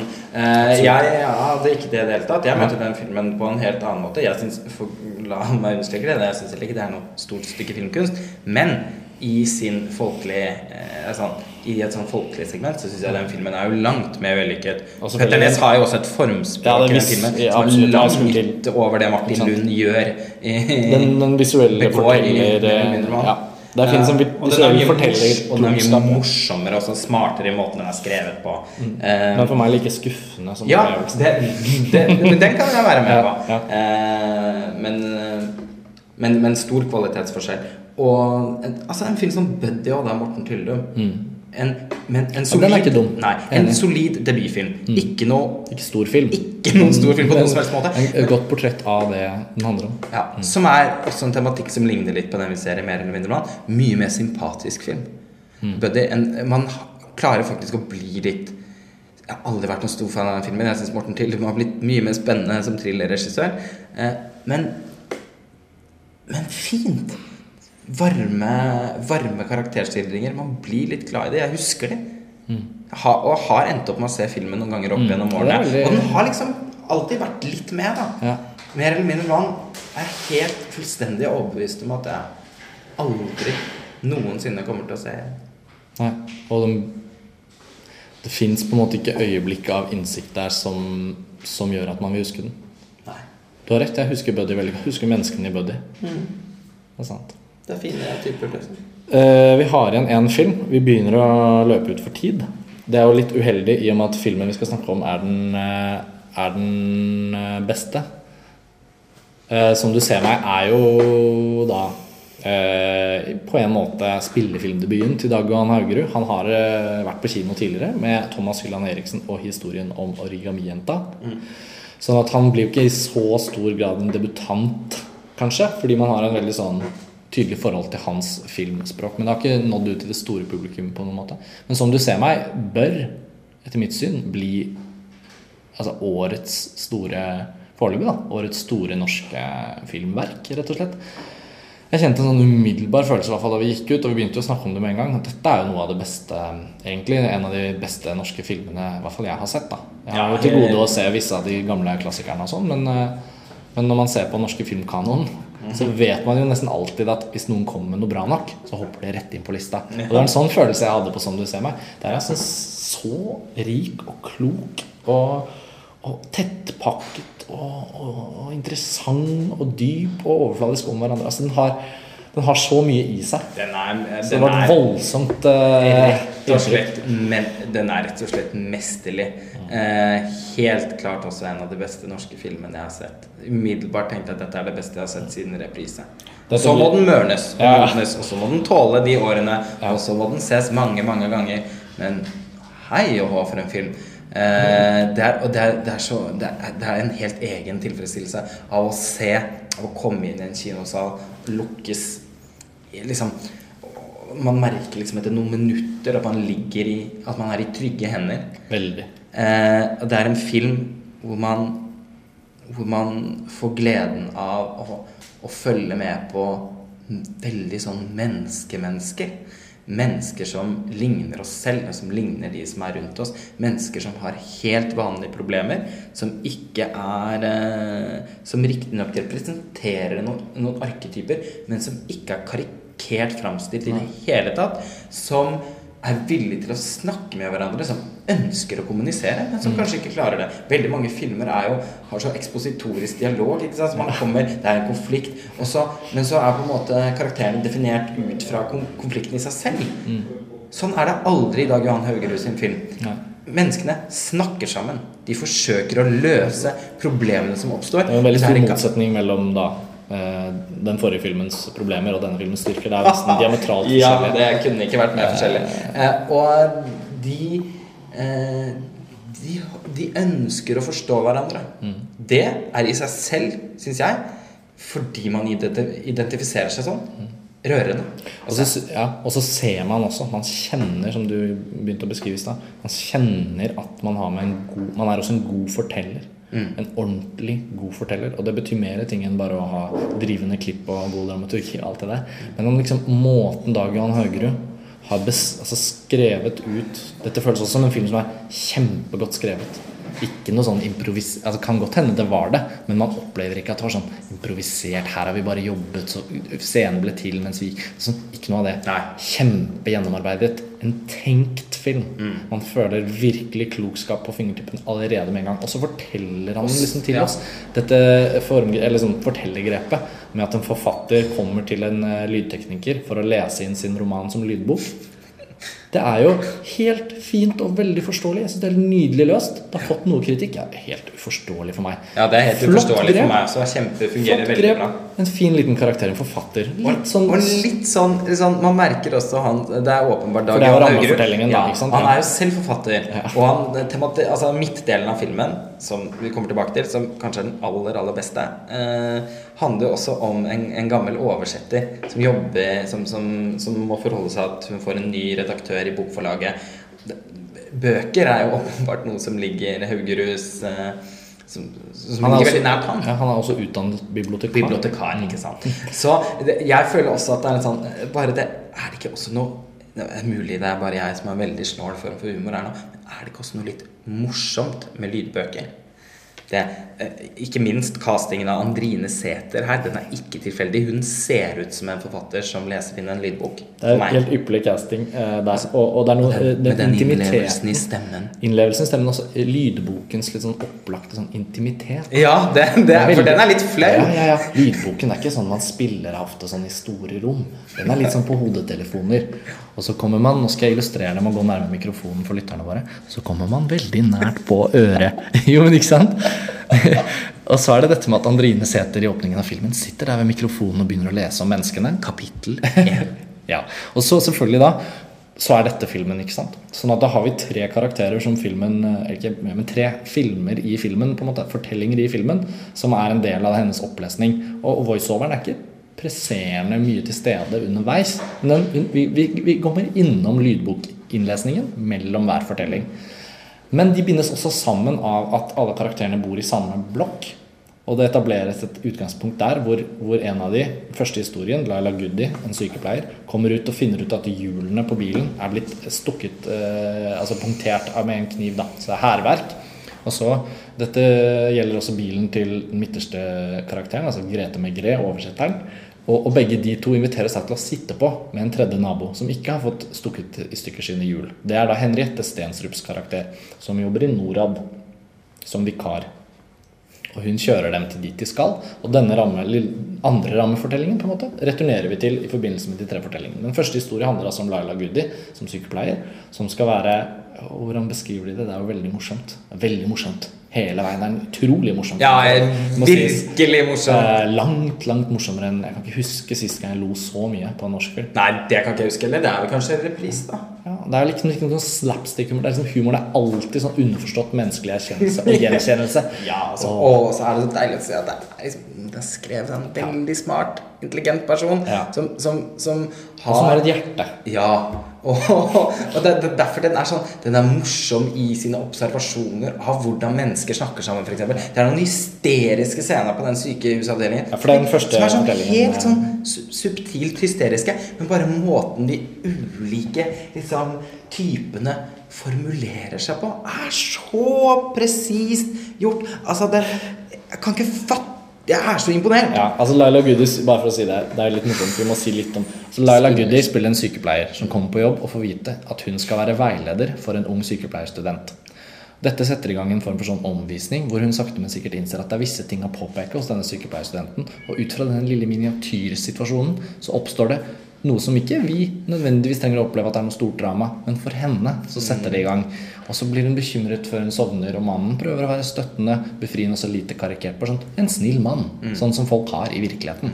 Spilt på en helt naturalistisk og ikke altfor Og en datter- en datter datter som er er litt sånn, litt sånn veslevoksen og litt Ja, sånn men ikke noe overdrevet. Sånn som Alt er bare sånn, sånn som folk er. Men heller ikke denne gangen med sånn overdrevent realistisk foto. Ikke sant? Men sånn flott, estetisert, litt sånn Kim Hjortøy, da, fotografen som også skjøt 'Engelen' av Margret Olin, og som har jobbet med eh, Dag Johan Haugrup på alle hans kortfilmer. Så vidt, bekjent. fotograf. Og han jobber ikke for alle. Han jobber med sine folk, på en måte. Det er, det er kornete, det er helt åpenbart skutt på film. eh, Det er fin bruk av farger og alt dette her. Men så Fin bruk av cinemascope, ikke minst. Absolutt, En veldig absolutt. nydelig bildekomposisjon. har vi- fin, lang, en mange lange tagninger. Det er sånn, Du snakker om at filmen er planlagt og gjennomtenkt. Man tenker ikke bare at manuset er helt sånn ja, nei, elegant og Utrolig elegant, veldig presist, men også filmspråket. Det er ingen scener som bare sånn «Åh, Og så var det der, og så filmer de. Nei, nei, nei. Og ikke noe sånn 'Dette var det vi fikk'. Nei, ikke. Overhodet Det føltes ikke sånn i det hele tatt. Og, og det er heller ikke en eneste scene i filmen sånn etter første gjennomsyn som, som var dårlig.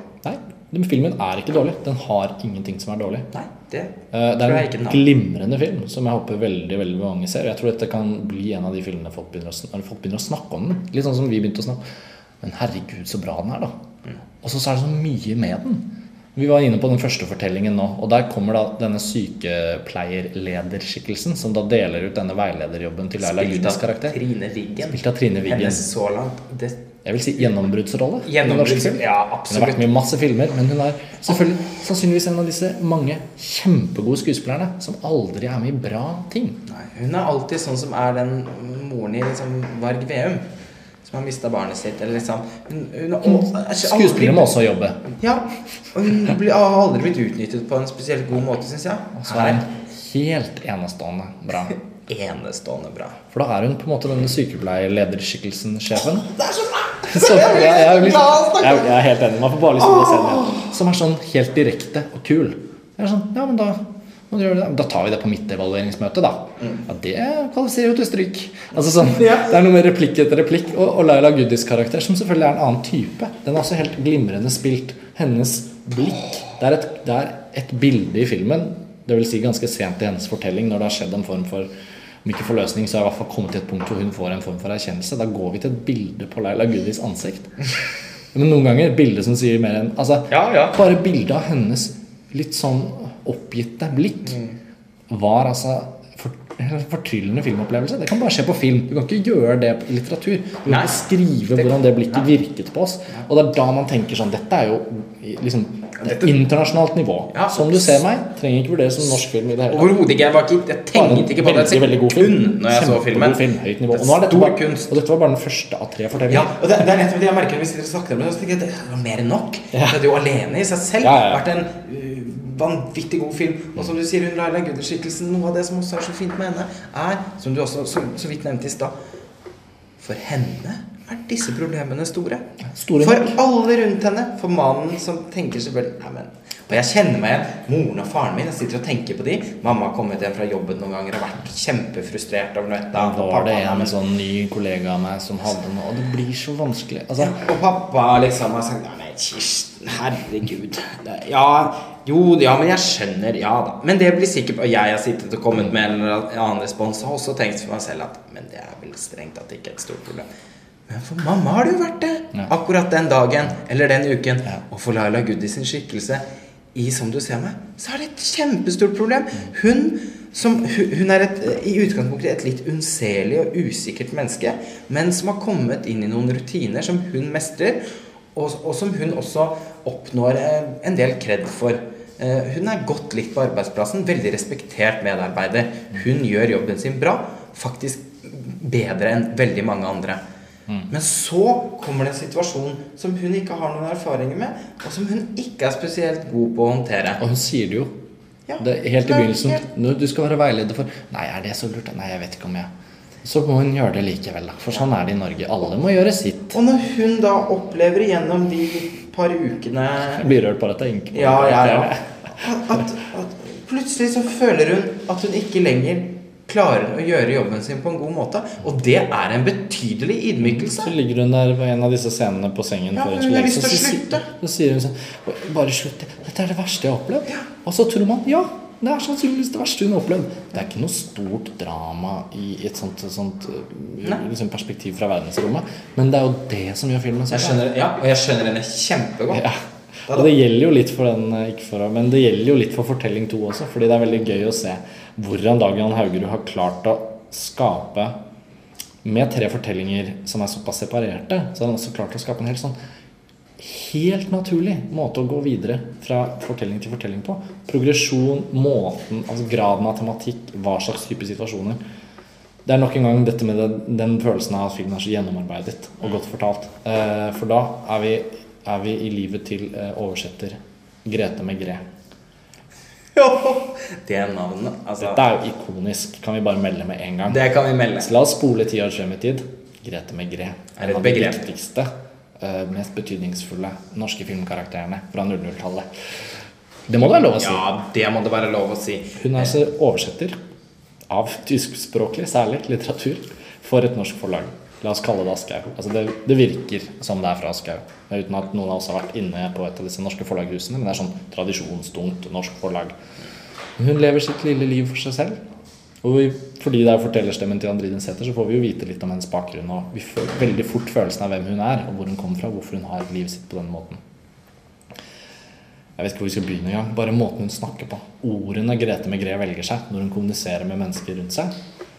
Helt fortreffelig. Gammeldags typisk sånn Ikke et ord er tilfeldig. Nei. Dette er det ordet som er helt perfekt for å uttrykke akkurat dette. Sånn snakker Grete Megré. Og samtidig hun, hun, hun vet å uttrykke meningene sine, Mm. samtidig som hun på ingen som helst måte ønsker å dominere samtalen eller Hun, hun vil ikke ha noen oppmerksomhet knyttet til sin person. Nei. Hun velger ut tyskspråklig litteratur og oversetter det. Men så har den eh, redaktøren hennes som hun har jobbet med i alle år, han er tydeligvis da død. Fordi fortellingen handler jo om at hun går i møte med en ny, entusiastisk, ung, rimelig ung redaktør som skal fylle 40 i løpet av fortellingen. Spilt av Andrea Brein Håvig. Og dette liksom generasjonshoppet og denne kommunikasjonen på tvers av liksom måter å forstå litteratur på. Men ikke bare litteratur, måten å forstå hvordan man henvender seg til andre mennesker på. Hva slags type liksom innforstått eh, høflighet og respekt man skal og kanskje bør vise. Hvilken, hvilken måte den uttrykker seg på. Begge ønsker på en måte å være gode mennesker overfor hverandre. Er befriende, hele filmen er jo fritt for liksom, såkalte bad guys. Det er jo liksom ingen som vil noen uvel i løpet av hele filmen. Men det oppstår likevel helt forståelige konflikter og uenigheter nettopp fordi man tenker litt annerledes om ting. Hun unge redaktøren er sånn kjempesmart, liksom driftig, litt sånn karrierebevisst, øh, fremadstormende person som har kjemperespekt for Grete Megré. Så Grete Megré møter jo mennesker i, i løpet av den fortellingen som alle 'Å, du er Grete Megré'. 'Å, dine oversettelser'. Altså, det er mangler ikke på respekt. Nei, nei. likevel føler hun seg utenfor. Mm. Og hun føler at eh, fordi det som skjer Igjen da samme situasjon som Laila Goody sin. Hun har, hun, har, hun har liksom operert innenfor en sånn komfortsone. Men plutselig så sprekker den. Og da De utfordringene som melder seg i lys av det, de er hun ikke så god på å håndtere. Og Andrea Brein Håvik sin karakter, som også er helt glimrende Begge disse to er også helt strålende spilt. Eh, Grete Megré er spilt av øh, Hva heter hun? Helt ukjent for meg, i hvert fall. Ja, nei, vi får ja. Nei, ja, men, men En veldig god uh, skuespiller uh, som vi har sett lite til. Ja, og veldig god, bra Andrea Brein Håvik òg, som jeg ikke alltid syns har vært like Mm. Alle bra. er jo bra. Ja, ja, nei, altså Så er det sagt. Over hele linja. Det er ikke noe som skurrer. Uh, men det som også er fint med filmen, er at ingen ingen av karakterene, i hvert fall i mine øyne, er usympatiske. Man får hjertet hjerte for alle sammen. Det er bare at de er litt forskjellige, sånn som vi mennesker er. Det er derfor noen mennesker ender opp med å bli venner, og andre ender opp med å bare være bekjente. Eh, det mellom forlagsredaktøren og Grete Megre så oppstår det aldri naturlig kjemi. De klarer ikke å snakke sammen fordi begge er nødt til å posere overfor hverandre. Det merker man jo, man har gjort det mange ganger selv. Altså man merker at det var hyggelig å møte dette mennesket, men, men det blir nok ikke noe til noe større. Og smertelig nok så bevitner man da også Grete Megré som går sakte, men sikkert på akkord med noen små, men viktige prinsipper i sitt liv. Og de må hun da ta konsekvensen og kjenner hun mm, ah, Jeg skulle vel ikke gjort Hun angrer jo Men jeg ville jo Mm. overleve den lille situasjonen med Var det ikke riktig av meg å være litt Nei. Det viser seg. Dette blir mer og mer komplisert og vanskelig. Men det er altså, den fortellingen, midtfortellingen der er jo så god at man tenker kan, kan det gå kan, Hvor skal filmen gå etter dette? Ja, det, altså det, det, da satt man jo virkelig og tenkte altså, øh, Og nå blir det nesten sånn Nå blir det ikke en god Det blir ikke noe sånn fantastisk øh, twist her nå. Fordi da, man satt jo virkelig og tenkte at dette er det helt umulig å toppe. Og, Ja. og, og det gjør det ikke. Men de klarer på forunderligst vis å få oss like så engasjert i en tredje fortelling. Ja, er- Nok en gang er man like, man er like Selv om man egentlig er så mett. Det har vært så bra. Det er liksom Å, det kan jo ikke toppe. Nå kommer nachspielet, liksom. Mm. Nei. Festen fortsetter. Ja, altså Det er Henriette Stenstrup som vi nevnte innledningsvis, som, som kjører de to andre karakterene på jobb når, når bilhjulene er stukket i stykker. Hun øh, har da en mor, spilt av Anne Marit Jacobsen, som øh, de er, Det er liksom de to. Mm. Faren, altså mannen til Anne Marit Jacobsen, er død, og, og de har liksom sitt Død for mange år siden Ja. Så de har sitt lille forhold og, og er ikke særlig bemidlet, men veldig normale norske mennesker. Og så skal de på De skal vel på en måte bare på kake og kaffe da hos et familiemedlem. Som da var søsteren til den avdøde mannen slash faren. Så svigerinnen Svigerinnen til Anne Jacobsen. Marit Jacobsen. Som er mer bemidlet.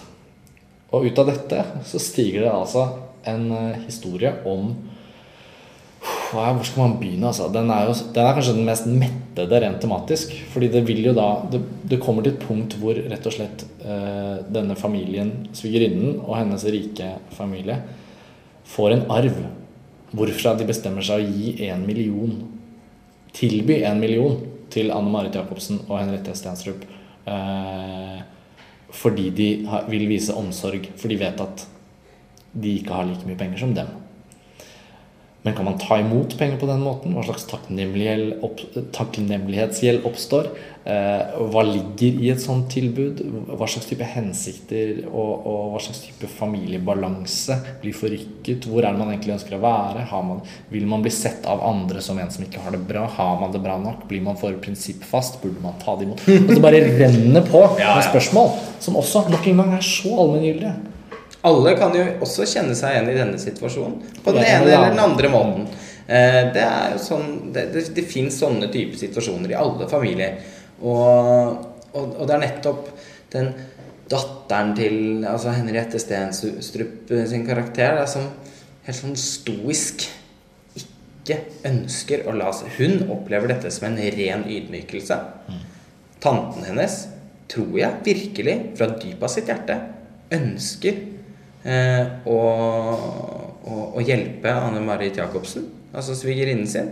Også fordi at det er- ligger en historie her med at hennes mann, eh, altså eh, hennes bror, da, eh, sølet med penger, eh, satte, satte Anne Marit Jacobsen sin, sin figur i, i, vanskelige situasjoner. Som, og, og hun har måttet bære byrden for det etter at han døde.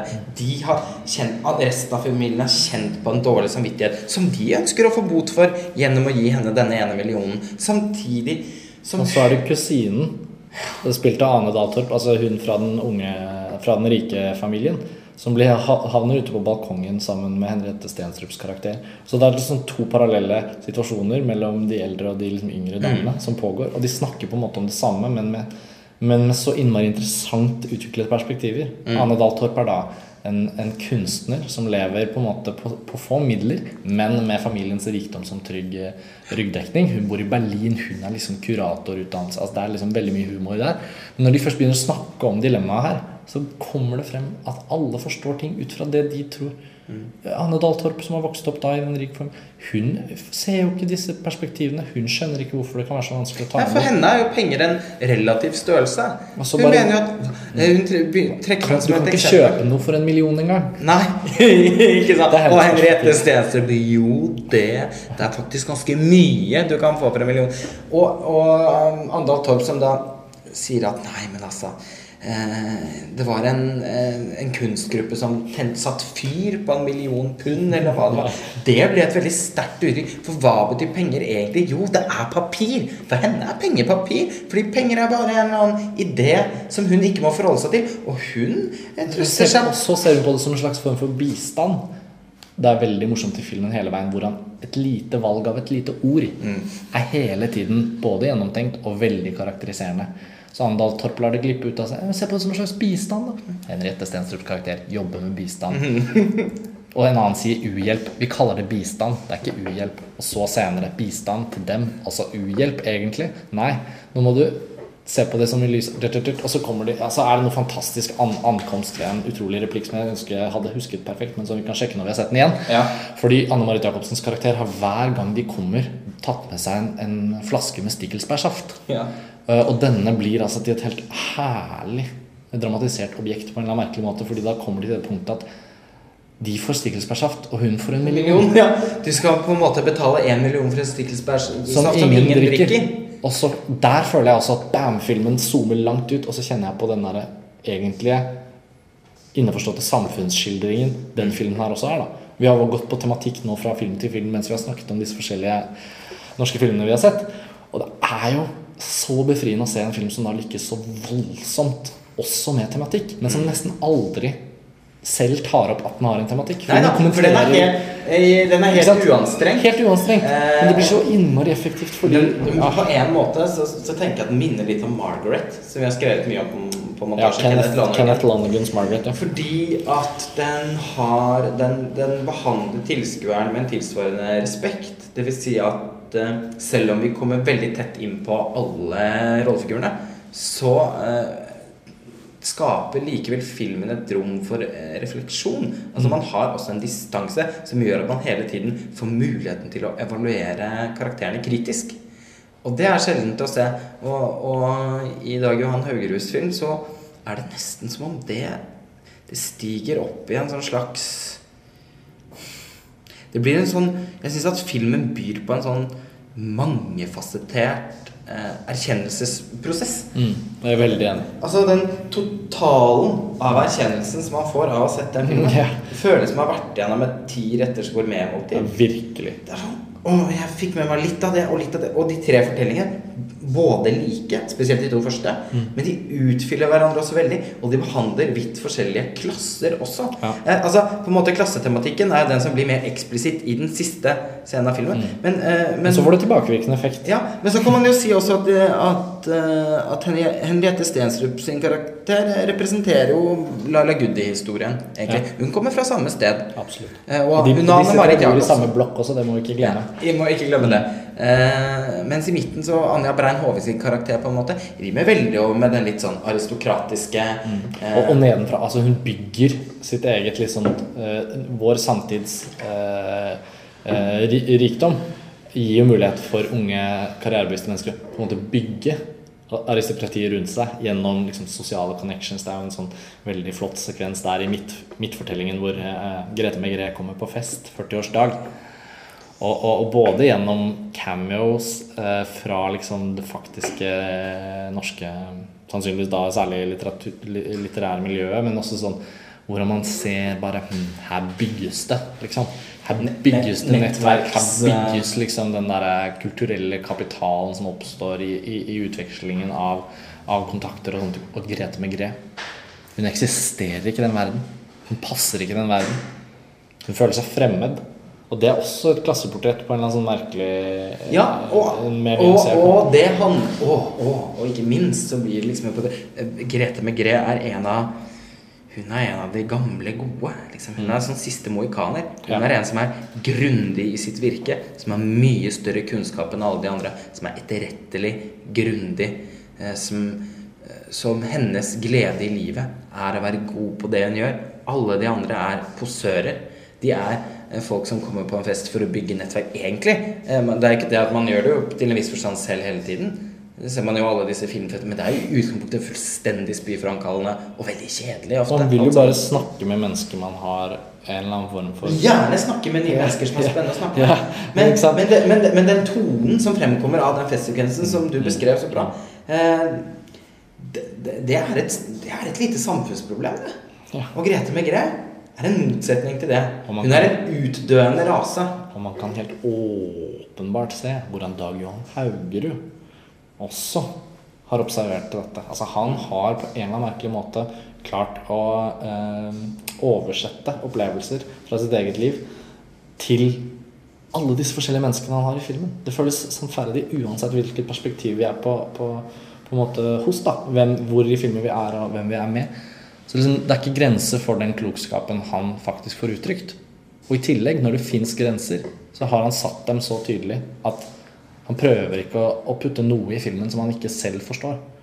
Og det synes jeg, Selv om han virker eh, utforskende og nysgjerrig og på en form for oppdagelsesreise, som gjør at også vi får det, så syns jeg det er så betryggende hvor god kontroll han har på fortellingen sin. Og det er jo det som gjør den så mesterlig. Altså for, for å måte begynne å avslutte, da, så er det jo Det er ikke tilfeldig at jeg og du altså vi, Nå er vi jo veldig enige her, men eh, forhåpentligvis Ja, Forhåpentligvis interessant likevel. Men, eh, nei, men det, dette med at man kjenner hvor, hvor, hvor bra den er så tidlig.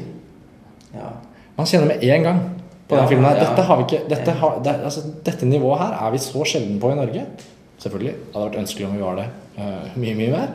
Men det er denne typen tilskudd som gjør at vi bygger en reell liksom, kvalitet i filmkulturen vår. Og da blir man jo sånn glad dypt inni magen. Man, man, man får sånn Det er litt sånn Ja, Joakim Trie, Eskil Fogg, Dag Johan Haugerud. Det føles naturlig å si. Og det er flere som strømmer til, på en måte. Og så har man liksom Hvis man nå begynner å For ti år siden så hadde man ikke vært i nærheten av å kunne snakke om en registand i Norge. Ja, hvor det også reflekteres av filmer som har lovende Ja, ja. elementer. Men så har man Bent Hamer og Hans Petter Moland Og og Espen Skjoldbjerg og Margaret Olin og Det er ikke det. Det er mange. Ja. Det er mange å snakke om. Og så kommer det flere filmer senere i høst som kanskje kan, forhåpentligvis, hvis man er mest mulig optimistisk, videreutvikle regikarrierer som har vært etablert. Sånn at Dag Jan Haugerud er jo nesten en person som man ikke nødvendigvis hadde trengt å forvente at skulle levere så bra så fort, Nei, ikke sant? Si, ja, nei, det var veldig sjokkerende, syns jeg. For det er jo faktisk, det er jo faktisk debut, sp- spillefilmdebuten hans. da Og Thomas Hilland Eriksen og historien om origami-jenta er, er langt mer på en måte et finurlig lite Ja. liksom film, filosofisk filmdikt. Det er ikke en film som etablerer en filmskaper Nei, i så stor grad. nei, da syns jeg det- kortfilmene hans har vært mye sterkere. Faktisk En av kortfilmene særlig, hvor Henriette Stenstrup og Anne Marit Jacobsen også spiller eh, mor og datter. Den filmen slår meg som en mye mer sånn tydelig innevarslende sånn Her har vi med en viktig filmskaper å gjøre. Men som du ser meg, er liksom bam! Der lander det, liksom. Ja, det er, det er jo egentlig en helt altså, Til og med på et internasjonalt nivå da, så er det en, en oppsiktsvekkende god debutfilm. Eh, og jeg, jeg tenker at Men ikke sant, med en gang man begynner å nevne Ja, men, men vi har jo mange regissører i Norge, da. Ikke sant? Det er jo den og den og den. og den. Ja og nei. Uh, for man skal jo aldri Man kan jo aldri bevege seg bort fra at man også har en personlig smak. Og i, i, i, min, i min smaksverden så er det jo ikke så mange av disse norske filmskaperne som, som egentlig jeg syns, Som jeg virkelig virkelig setter pris på. Jeg syns de lager bra filmer, eller til og med veldig bra filmer. Noen ganger strålende filmer. Det er ikke sånn uh, film Altså Hans Petter Moland sin filmografi uh, De filmene jeg har sett Det har ikke vært sånn forstummende kunstopplevelse for meg. Uh, og nå skal jeg ikke gå igjen Nå skal jeg ikke ta en sånn slakteparade gjennom de norske filmskaperne. Som sagt, jeg syns, jo det fins Det er mye her. Men jeg synes Dette er, blir nesten et litt sånn mm, pompøst postulat. Men opplevelsen av å se reprise av Joakim Trier og Eskil Vogt, han må også krediteres for den, i 2006, det var noe helt annet. Å gå på Filmens Hus onsdag Hva blir det? Hvilken? 12. 12. august? 12. 12. september, mener jeg. Eh, 2012 var også en sånn dag. Å se Dag Johan Haugerhus som du ser meg, umiddelbart oppleves det som beste norske filmen på mange, mange, mange år. Kan, sannsynligvis en av de beste som vi har laget i det hele tatt. Jeg syns du fikk en sånn veldig sånn fin, høytidelig rytme i stemmen din eh, nå. Ja, det her på slutten. veldig høytidelig. Eh, Nå, nå, tok, nå tok du deg et moment og la fram det. Eh, Men eh, det er bra å ha det sagt. Det er sikkert mange som er enig med deg i det. Og den eh, Den forhåpningen vi kanskje må avslutte med da, er at Er at, uh, som du ser meg bør, og forhåpentligvis vil, gjøre et uh, ordentlig inntrykk og få et visst publikum. Men den, den vil nok også, fordi den er så solid som vi, vi har snakket om at den er, så vil den jo liksom ha et langt liv. Helt åpenbart. Den kommer til å Sånn mørnes, Jeg, jeg, jeg, jeg ser med trygghet på den filmens liksom lange, lange liv. Eh, Det er kanskje mer en utfordring for noen av de andre filmene vi har snakket om. Til og med f.eks. Kon-Tiki, som selv om den blir en rekordholder og har sett av hvor mange hundre tusen som helst, så er det noe med at den, den går ikke dypt nok. da Den blir liksom flytende på, på må- måte overflaten av havet. det, det er kanskje det som jeg setter så spes, spesiell pris på, med, som du ser meg, da, at den har den veldig distinkte og sjeldne kvaliteten at man føler at det er en film som blir en del av samtalen. Mm. Kommer til å være med i samtalen i uoverskuelig framtid. Den har på en måte ryddet en, en plass som ingen filmer hadde tatt før. Sagt 'her står jeg, dette er her'. Så all, all på en måte vurdering, all, all, all referanse og vurdering til filmer som er laget i Norge, vil måtte inkludere et perspektiv på den Ja, filmen. og det, og, og, og det er også en film som liksom jeg føler at at på en naturlig måte kommer til, å, kommer til å bli referert til i min dagligtale. Å, herregud, dette er et Grete med Gre-moment, liksom. På samme måte som jeg sier 'jenter er bare ikke kule'. Eller eh, Oi, Porno-Lars. Eh, fortsatt. Mm. Seks år etter reprise. Den er jo fortsatt Nei, nå skjønner jeg. Hvor mange ganger i løpet av Hvor mange ganger i løpet av en uke sier enten du eller, meg, du eller jeg Nei, nå skjønner jeg ikke helt hva du mener. Det er ganske ofte. det er ganske ofte. Men der står reprise helt i særstilling, da. Men det, men det, men det er, som Men du ser har- er den beste kandidaten Ja, nettopp. nedgang Ikke sant? til en slags type sånn Ja. Den har mange sånne greier. Ja. Sånne detaljer, replikker, karakterer som Jeg tenker veldig på den til Henrik Mestad fra Reprise. Dette, dette er en bok. Jeg tror vi har noen sånne kandidater fra Som du ser meg. Men vi må jo selvfølgelig tilbake på kino og se den Ja, nå provoserer jeg. Ja. Å, vi burde ha en podkast om Reprise alene. Men nå har vi jo hatt Joakim Trier om bord for bare en, eh, to episoder siden. Ja. Så det er klart at uh, vi får, um, vi får spe det litt utover. Men litt utover. den referansekulturen til god norsk film vokser når det kommer filmer som Som du ser meg, og det er i hvert fall veldig oppløftende. Eh, forhåpentligvis er dette da episode, eller del én av eh, Større podkastverk. Ja, fordi det, nå er vi ferdige da til dere som har lyttet helt frem til hit. Og, og det vi har lagt som en slags plan, er nå å se de neste, den neste gruppen av nye norske filmer i høst. Og så returnere med en slags sånn del to av denne. Hvor vi, hvor vi snakker om ja, hva det blir da, om det er fire eller fem filmer som har blitt eh, sluppet siden da. Så vi kommer til å returnere, og kanskje vi får med en til. Men denne gangen så var det bare oss to. Um, filmflem, film, filmflem, Filmfrelst returnerer straks med en ny episode om noe helt annet. Da er vi ferdige for denne gang. Lars Ole, Ja. Takk for eh, hyggelig som vanlig. Takk Hyggelig for i dag. Ha det bra. Ha det bra.